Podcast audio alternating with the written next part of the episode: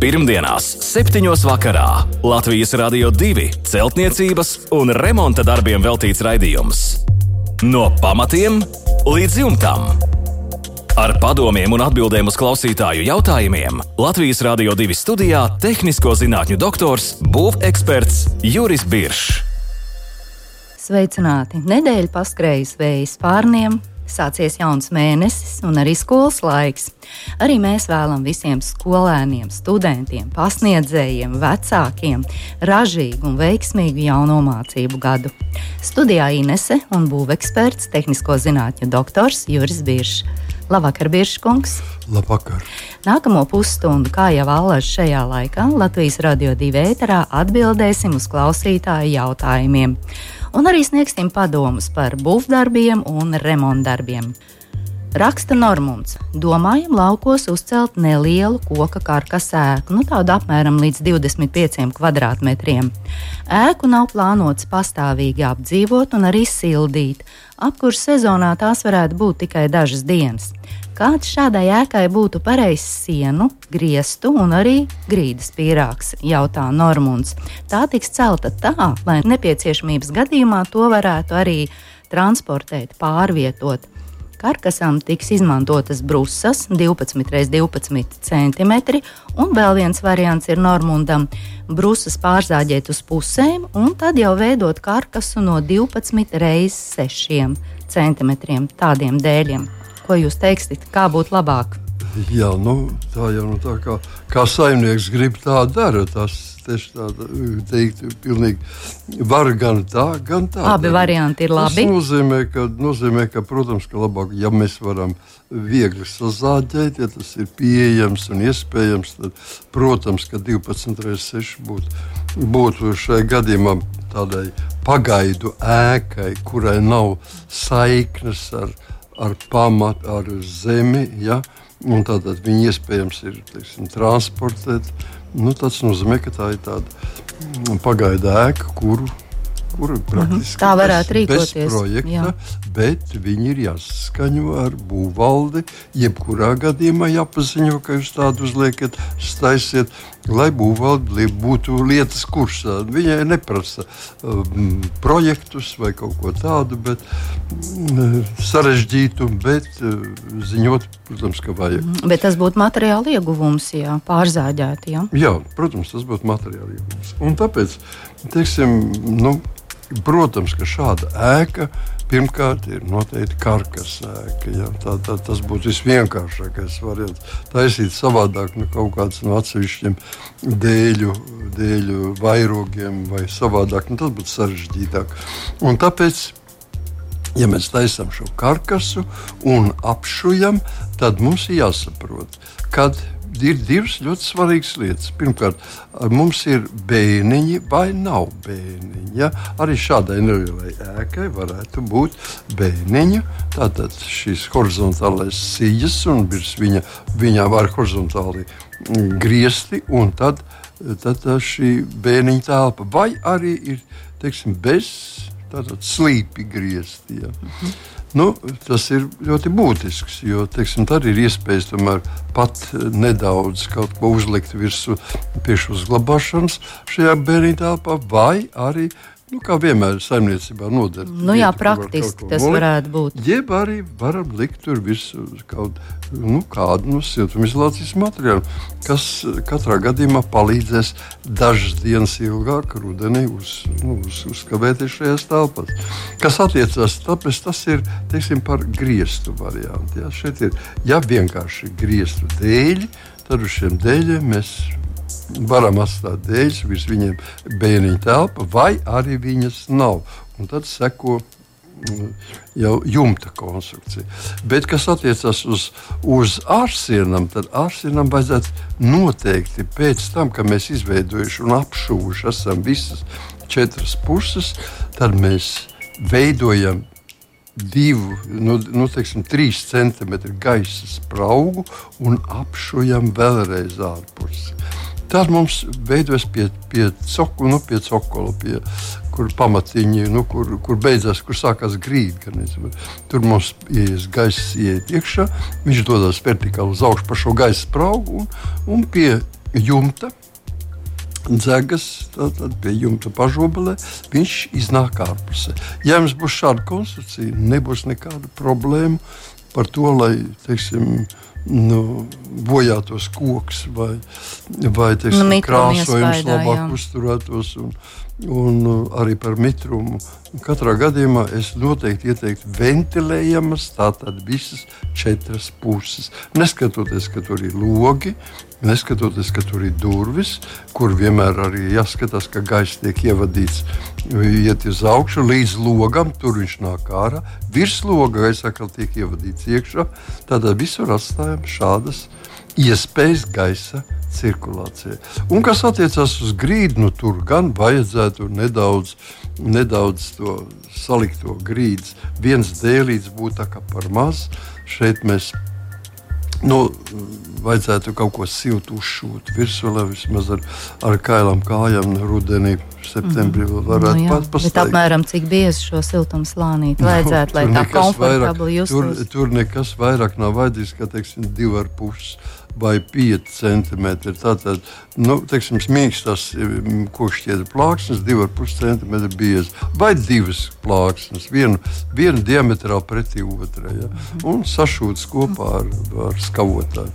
Nu, šādā veidā ļoti, ļoti teiksim, nu, varētu teikt, optimāli un ar maziem izdevumiem var izveidot šādu mazāku. Mm -hmm, šādu vieglu konstrukciju. Vieglu konstrukciju. Protams, jo viņi netiks apgrūtināti ar apkuras sistēmām, ar, ar, vis, ar milzīgiem siltinājumiem, biezinājumiem, kas rāda to, ka viņi varētu būt ļoti racionāli. Jā, un pārvietojam un transportējam līdz ar to arī.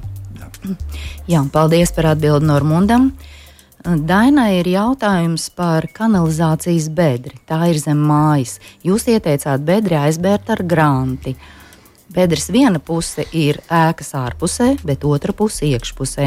Zem cokola pamatu nav. No sienas uz katru pusi ir apmēram 50 cm, un tas apgrūtina grāmatas blietēšanu. Kā sakārtot vietu zem cokola? jautā Daina. Ko darīt ar posmu, kur nav pamatu? Kā to veidot, kā to sakārtot. Nu, teiksim, saprotama lieta, ka, kad uh, kanalizācijas bedra ir tā, tad vispirms, ko mēs darām, mēs viņu mazgājam, mēs viņu attīrām, lai mēs tātad nelietojam, protams, pēc tam mēs viņu attīrām, dezinficējam un aizberam ne tikai ar granti. Grants ir pēdējā vietā visstiprāk un vislabāk es gribētu jūs aizbērt ar šķembām šķembas, izsijas, kas nesatur organisks piemaisījums. Ja? Tātad lētas, pēc iespējas lētāka, bet šķemba materiāls, rupšs materiāls.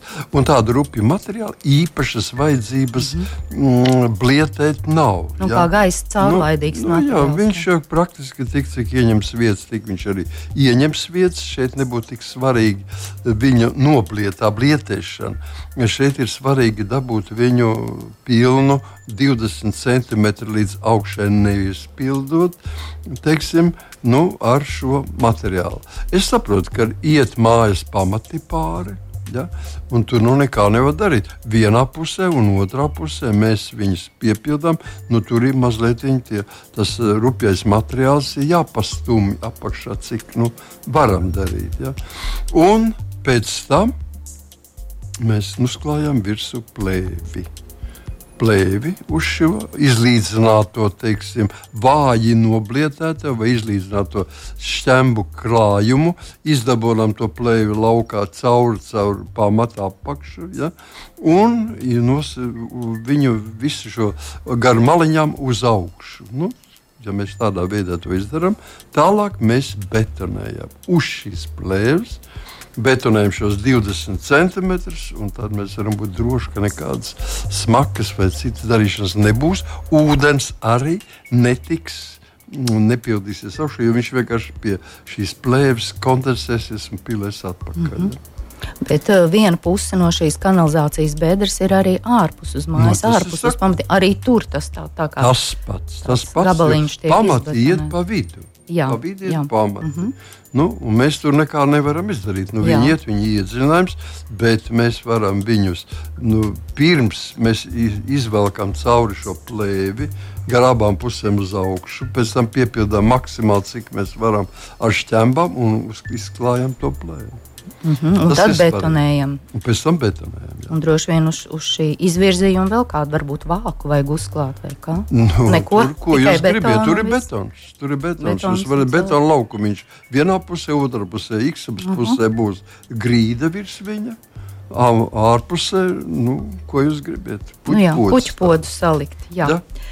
Paldies par padomu Dainai. Kā rīkoties, ja ir vēlme mūrēt ar dabīgiem upes dolomīta akmeņiem? Mums jautā Oskars. Kāda ir pareizā mūrēšanas tehnika šādā gadījumā? Kādu saistvielu arī būtu pareizāk izmantot? Portugānu cementu, betonu vai kādu citu izēju materiālu? Nu, saprotams, ka siltināšana būs atkarīga no mūra biezuma, bet, ja izvēlētos siltināt dolomīta ēku, kā un ar kādu materiālu jūs ieteiktu to darīt? Šāds Oskaram ir pirmais jautājums. Nu, es teikšu, tā, ka šeit ir dažādas pieejas un dažādas uh, prakses. Es varu pateikt tikai to, ko es pats izvēlētos. Ja šajā gadījumā, Jā. kas jau ir tomēr manā milzīgajā praksē, ir, ir, ir rādījusi, ka tas ir par labāku. It kā nu, atzīts. Attaisnojies. Nu, ir attaisnojies, vismaz ir attaisnojies. Tur, ko mēs tā esam darījuši, ja pēc manas padomu ir darīts, un cilvēki nesūdzās. Un tāpēc es iesaku jebkura tipa akmens mūri, vai tas būtu lauka akmens, vai tas ir dolomīta slāņainais, dolomīts, vai absolūti vienalga kāds tas akmens, var nebūt dabiskais akmens. Es ieteiktu tomēr viņu līmēt. Vispirms līmēt, tātad ar ko līmēt. Mēs katrā gadījumā mak, akmens materiālu mēs mazgājam, tīram. Viņam jābūt tīram, nesaturēt grunti. Viņam nevajadzētu saturēt putekļus. Nu, nu tā, saprāta robežās, protams, ne jau no putekļa sūcei apstrādājot. Un tālāk mēs viņu līmējam. Ar kādā veidā līmē? līmējam? Ar sintētiskā lateksa emulsijas un cementa maisījumu. Sintētiskā lateksa mums bija mm, dažs no manis, raidījums atpakaļ bija par to, ka viņš smar, ne, kaut kā nepareizi eh, smako. Jā, jā. Tas nozīmē, ka jūs esat paņēmuši pareizi sintētiskā lateksa emulsiju. Jums ir jāprasa, nu, diemžēl, tā jāzvan, varbūt ir, ir ražotājam vai kam jāskatās, lai šis sintētiskais lateksa emulsija būtu uz stirēna, butadiena bāzes. Viņš varētu būt uz akrila bāzes, uz citām lietām, kas neder šai gadījumā. Stirēna, butadiena bāze. Un ši, šo, tātad šo emulsiju mēs ņemam vienu masas daļu, divas daļas masas daļas ņemam cementu, jebkuras markas. Jeb tilpumā viena til, tilpuma daļa e, emulsijas plus pusotras tilpuma daļas cementa. Un sajaucot viņus kopā, mēs iegūstam zobu pastai līdzīgu konsistences pastu, ar kuru mēs uz samitrināta akmeņa plānā kārtiņā uznesam. Nevis, bet tikai uznesam uz akmeņa to, kas ko mēs līmēsim, un uz akmeņa, uz kā mēs līmēsim.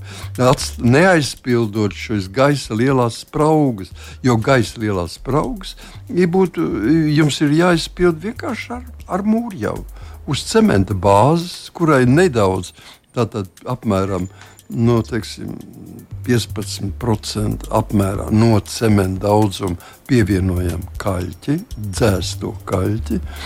Un tad mēs šādā veidā varam piepildīt šīs šūnas pašas par sevi. Jo līmes kārta jābūt plānai, ne biezākai par 3 mm. Mm -hmm. Līme ļoti ātri sacietē, tāpēc jāuz, jāuzmanās apmēram pusstunda ir jūsu rīcība. Nu jā, šādi sastiprina šos Jā. akmeņus un lielās spraugas. Tad jau Lielās aizpild spraugas aizpildīt ar tālāk, jā. īpašu jau. Tādā veidā man liekas, tas ir viens no visprecīzākajiem tehnoloģiem, lai mūrētu ar, ar dabisko akmeni. Viņš būs gan izturīgs, mm -hmm. gan arī Attied, jo akmens, neaizmirstiet, ir elpojošs materiāls. Lai kāds viņš arī blīvs neizliktos, viņam tomēr ir sava caurlaišanas spēja. Un ar ko jūs ieteiktu siltināt šādas mūrētas? Nu, redziet, siltināšana ir pilnīgi, pilnīgi atstāta gaumas lieta. Ja? Gaumas lieta tikai izdariet to pareizi. Ja no ārpuses, tad ar akmens vatu vati vai stikla vati, vienalga ar minerālu vati. Tātad.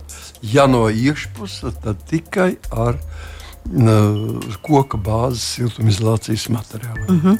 Un vēl bija jautājums, kā labāk aizpildīt jau esošās dolomīta mūra ēkas šūju vietas laika gaitā izdrupušas un liela tukšuma. Nu, praktiski jau atbildēja. Tieši atbildi jau skanēja. Tātad mazgājam šīs vietas, noklājam ar līmējošo sastāvu un piepildām ar javu, vai arī šajā vietā ievietojam citu akmeni, kuram arī, arī ir nu, teiksim, apziests ar šo līmējošu sastāvu. Tikai ne, ne fasādes ir fasādes virsma, tātad sargājam. Jo savādāk neatīrīsiet. Līme ir ļoti spēcīga. Es vēlreiz to apgalvoju. Skaidrs, paldies par atbildi Oskaram. No pamatiem līdz jumtam. Turpinām ar Dainas vēstuli. Ķieģeļu ēka, gruntsūdeņa vidēji augsti, Griestu augstums ēkai ir 2,4 metri. Līdz smiltīm esam izņēmuši vecās grīdas un vēlamies griestu augstumu palielināt līdz 2,5 metriem. To ir iespējams veikt tikai uz leju. Tāda grīdas līmenis sanāk vienā līmenī ar cokola un sienas savienojumu vietu, vai pat 3 cm zemāk. Nākotnē ir paredzēts cokolu siltināt no ārpuses, kas būtu jāievēro attiecībā pret salaidumu vietu hidroizolācija, plēve, siltumizolācija vai grīdas pīrāgs ar kaut ko atšķirsies no standarta risinājuma. Ieplānots dainai ir siltās grīdas ar vinila segumu. Ja grīda ir vienā līmenī vai pat 3 cm zemāk par sienas cokolu savienojumu vietu, kā jau mēs minējām, vai specifiski ir jāapstrādā pamati no iekšpuses, nu, nosmērēt ar bitumenu vai kā savādāk. Lūk, šāda situācija grib palielināt eh, griezt augstumu, bet Jā. tikai uz leju ir iespējams to darīt. Jā, nu, diemžēl tas ir ļoti bieži tāds jautājums, ka tādi, tādas teiksim, tehniskas situācijas ļoti bieži veidojas, ka mēs gribam tad pagrabus padziļināt, tad eh, teiksim, istabu un tā tālāk. Jā, nu, Redziet, šeit ir viss jautājums, viss tas sarežģījums. It kā liekas, ka sarežģīta problēma. Sarežģīta problēma nav. Jo mums ir jāsaprot viena vien būfiz, ēkas būvfizikas pamatprincips. Tātad mums ir pamati, mums uz šiem pamata virsējā daļa, ko sauc par cokoli, iet uz augšu. Tur ir horizontālā hidroizolācija, to visi ļoti labi zina. Uz viņiem sako sienas materiāls. Ja? Un mēs sakām vienmēr, kad, kad uh, tīrai grīdai istabā pirmā stāvā vajadzētu būt vismaz 10 cm virs šīs horizontālās uh, hidroizolācijas. Bet pirms tam mums ir jāsaprot, ka kad izveidojot šo horizontālo hidroizolāciju, mums viņa ir Latvijas klimatiskos apstākļos. Vienmēr jāatstāj ārpusē, tas ir ārpusē ēkai vaļā, un ja ēkas iekšpusē viņai jābūt cietai, tādā nosprostotai. Un šajā gadījumā Mēs, ko mēs dabūjām? Mēs dabūjām to, ka mums ir, ir uh, cokols iet uz, au, iet uz augšu, un viņš sastopas savā ceļā horizontālo hidroizolāciju. Ārpusē viss ir vaļā un kārtībā, iekšpusē viņš paliek it kā vaļā. Ja? Jo mēs esam istabā jau iekšā iegājuši. Grīda atrodas zemāk. Mm -hmm. Ko darīt? To pašu visam jābūt cietam. Tātad mēs no visus cokola iekšējo daļu, liekam virsū plātni kādu, nu, teiksim, siltumizolācijas plātni, 20 mm putu polistirola plātni, teiksim, un viņi iet uz augšu līdz pašai vietai, kur beidzās jūsu cokols. Kaut arī tas atrodas jau virs grīdas tagad. Un tur veidojas zināma savienojuma vieta, jo tur tālāk sekos sienas materiāls. Kā jūs to atrisiniet, tas man tātad. Tātad viņš nosedz šo savienojumu vietu. Viņš nosedz. Tā ir jābūt tātad, nosaktai. Viņa jābūt, jā, jo horizontālā hidroizolācijas plā, tā virsma, tas līmenis jābūt sektam iekšpusē mm -hmm. un vaļējām ārpusē. Nu jā, un padziļinās uz iekšā. Padziļinās uz iekšā, lūdzu, lai viņš būtu uz iekšā, cik jūs gribiet. Nu, jā, cik gribiet, mēs to nevaram. Mēs esam atkarīgi nu, no gruntsvudens līmeņa. Nu, bet 10 centimetrus tad jau varēs. Jau nu, šai dru... gadījumā noteikti to varēs, es tā domāju. Bet, bet jebkurā gadījumā horizontālā hidroizolācija no iekšpuses ir aiztaisīta cieta. Jā, tas ir mm, būtisks nosacījums. Viss, kas ir jāzina, vairāk nekā tur nav. Jā, paldies par atbildi Dainai. Savukārt Andris mums raksta. Plānoju vasarnīcai mainīt jumta segumu un siltināt jumtu ar minerālu vati. No iekšpuses vertikāli līdz koras pārējai ir nosakts ar apšūmu dēļiem, viss dēļi uz pusspundi. Jumta istaba ir apdzīvota vai vajag un ar ko nosegt apšuvuma dēļus. Varbūt ņemt citu izolācijas materiālu. Jā, nu, mazliet tāda neskaidrības ir. Es šaubos, vai es pareizi to saprotu. Nu, jā, Andris un, vēl lai... minējis no kreisās puses, jā, bet mēs nu, īsti nesaprotam, kura ir īsti... Andra izpratnē kreisā, jā. kura labā. Daži saka augšpusē, daži apakšpusē, labā kreisā. Nu, lai neko nesajaukt, tad mēs vienkārši griezīsim šo pīrāgu, jumta pīrāgu pušu un skatīsimies no augšas, teiksim, no, no apakšas sākot. No istabas puses sākot Iesim uz augšu. Jā. Jā. Un no istabas puses, lai viss būtu pilnīgi pareizi, mums ir griestu apdare. Tātad dēlis, vai, vai plātne, vai rīķis, vai kaut kas tur ir veidojies. Aiz tā mums ir iespēja, lai būtu gaisa sprauga, nekustīgam gaisam. Tātad ļoti maziņa gaisa sprauga, kas varētu aizvietot teiksim, tā saucamos melnos griestus. Tādā jeb arī viņa mēs spraugu neveidojam, mēs veidojam plēvi, bet plēvi ir izveidot tā, lai viņi neskartos klāt pie, ne pie griestiem, ne pie, nu, katrā gadījumā no griestiem nost. Viņi būtu dažus milimetrus. Un tātad Vēlreiz atkārtoju, griestu materiāls, gaisa sprauga, tā saucamie melnie griesti. Pēc tam seko pārsegums, nu, šie dēļi uz pusspundi, ko teica, uh mhm. -huh. ko Andris teica. Virs viņiem tātad mums seko siltumizolācija, un virs siltumizolācijas nekā vairāk nevajadzētu. Ja tur ir Tā, à, mums ir jumts. Ir, Jumt, nāk, Tādā virs siltuma izolācijas mēs varam veidot difūzijas plēvi, gaisa sprauga, pa kuru iet ventilējušais gaiss, kas ienāk pie jumta. Jumta kastē un iet augšā līdz korei un velk visu mitrumu ārā no siltumizolācijas materiāla. Un tālāk jumta segmateriāls, metāls vai plasmas vai, vai eh, koks ar, ar ruberoidu. Vienalga. Mm. Lūk, šādā veidā, vairāk nekā savādāk. Jā, paldies par atbildi Andrim. No pamatiem līdz jumtam. Un vēl mums ir modra jautājums. Loģijai ir ielikti plasmas slogi. Un kā pareizi siltināt sienu zem logiem, lai neveidotos spēlējums? Nu, droši vien te atkal mūsu ienaidnieks, kārtējais mitrums, Jā. spēlē savu lomu. Īstenībā šeit nekādi nekādi sakot, lielie mitrumi nevajadzētu rasties. Bet apskatīsim tos mitrumus, kas var veidoties vairāk kā citās vietās zem logu. Zem logiem. Tātad.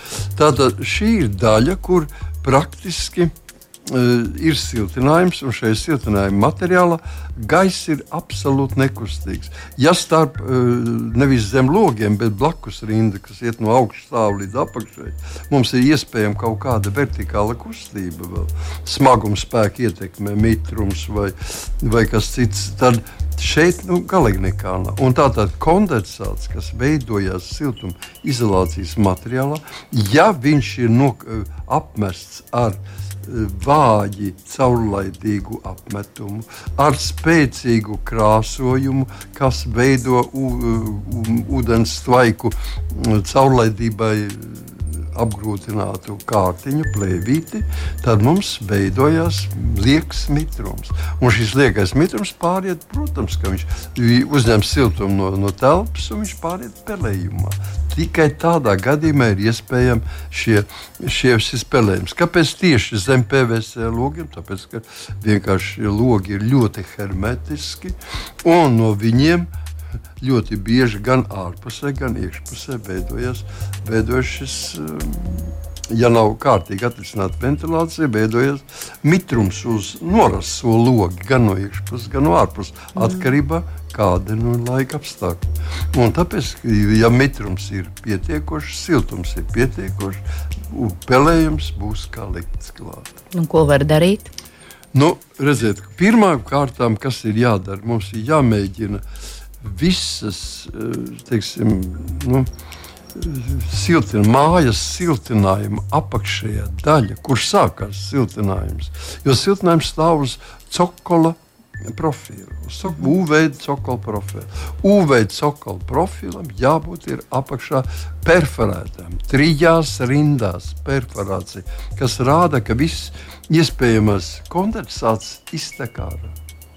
Ja viņš nebūs perforēts, mēs ar roku pataustām un redzam, ka tur mums ir apmetums vai mums ir gluds metāla profils, tad tas ir nepareizi. Un šādās mājās veidojas šie pelējumi. Un ne tikai pelējumi, pelējumi veidojas arī visdažādi traipi, plankumi uz fasādes Un, kas ik pēc pāris gadiem mums ir vienkārši jāpārkrāsa. Nu jā, un šī ir loģija. Un... Jā, un otram kārtām mums jāmēģina, lai visi apmetumi, fasādes apmetumi, visas fasādes krāsojumi būtu maksimāli ūdens tvaiku caurledīgi, elpojuši, kā mēs sakām, pēdiņās elpojuši. Tas nozīmē, ka jā, jāmēģina, lai ūdens tvaika difūzijas koeficients būtu pēc iespējas mazāks. Nu jā, un noteikti jau loģija arī nav apkurināma telpa. Tātad tā. tas viss tur notiek. Nu, tas ir, ir atsevišķi sastāv, sastāvdaļas, kas mm -hmm. vairāk vai mazāk ietekmē to. Jā. Paldies par atbildi modrim. Līdz ar to šovakar raidījums izskan. Vēl atgādināšu mūsu e-pasta adresi remonds at lr2.lv. Jautājums varat iesūtīt arī izmantojot mūsu Latvijas Radio 2 mājaslapu. Tur arī var noklausīties jau izskanējušos raidījumus, un esam arī populārākajās raidierakstu straumēšanas vietnēs. Šoreiz sirsnīgs paldies par kopā būšanu, lai visiem jauks un mierīgs vakars, un noteikti tiekamies pēc nedēļas. Visu labu! Pirmdienās, 7. vakarā Latvijas Rādio 2 celtniecības un remonta darbiem veltīts raidījums. No pamatiem līdz jumtam! Ar padomiem un atbildēm uz klausītāju jautājumiem Latvijas Rādio 2 studijā - tehnisko zinātņu doktors, būveksperts Juris Biršs.